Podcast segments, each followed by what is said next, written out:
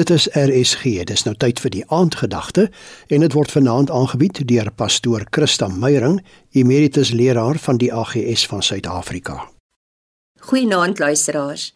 Ek wil vanaand aansluit by ons gedagte van gisteraand. Die Here is lankmoedig, he is slow to anger. Daagliks lees en hoor ons van mense wat in woede uitgereageer het. Woede wat dan in een of ander vorm van geweld oorsit padwoede, gesinsgeweld, skoolgeweld, politieke geweld, aangevuur deur die emosie woede. En ook in ons verhouding met die mense in ons lewens speel woede baie keer 'n rol, 'n negatiewe en afbreekende rol, dikwels 'n seermaakrol. Want wanneer ons kwaad is of ons die meer verloor vanuit woede optree, doen of sê ons dikwels dinge wat ons agterna berou. Ongelukkig kan die effek of die woorde of die daad dan nie weggevat word nie.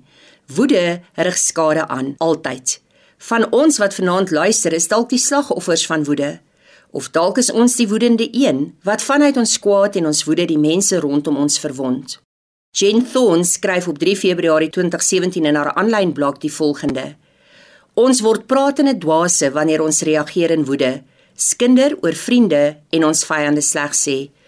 Ons neem dit wat 'n instrument van liefde moet wees en gebruik dit om onvriendelik en kras, veroordelend en krities, selfsugtig en hoogmoedig te wees. Jakobus praat in Jakobus 1:19 hieroor en hy sê my liewe broers, dit moet julle in gedagte hou. Elke mens is maar te gewillig om te luister, nie te gou te praat nie en nie te gou kwaad word nie. Be slow to anger.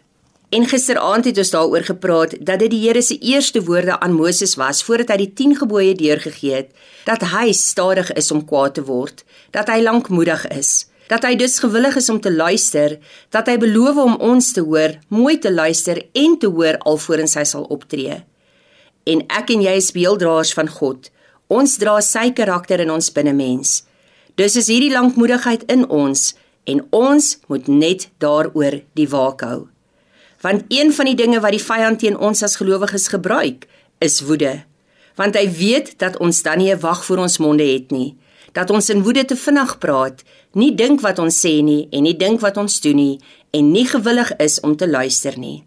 So kom ons bid vanaand dat die Here ons sal help om stil te bly wanneer dinge in die lewe ons druk, wanneer mense of situasies ons druk, ons kwaad maak. Kom ons bid vanaand dat God vir ons krag sal gee om te luister, stil te bly totdat ons vanuit goedheid en genade kan reageer, vanuit mooi wees kan reageer en dat die Here ons sal help om nie die ontvanger van ons woorde seer te maak en te verwond nie en hulle gees te breek nie. Vader, dankie dat ons vanaand kan bid dat ons woorde sal spreek wat kalmte bring, wat die situasie sal laat afkoel en wat lewe sal bring. Amen.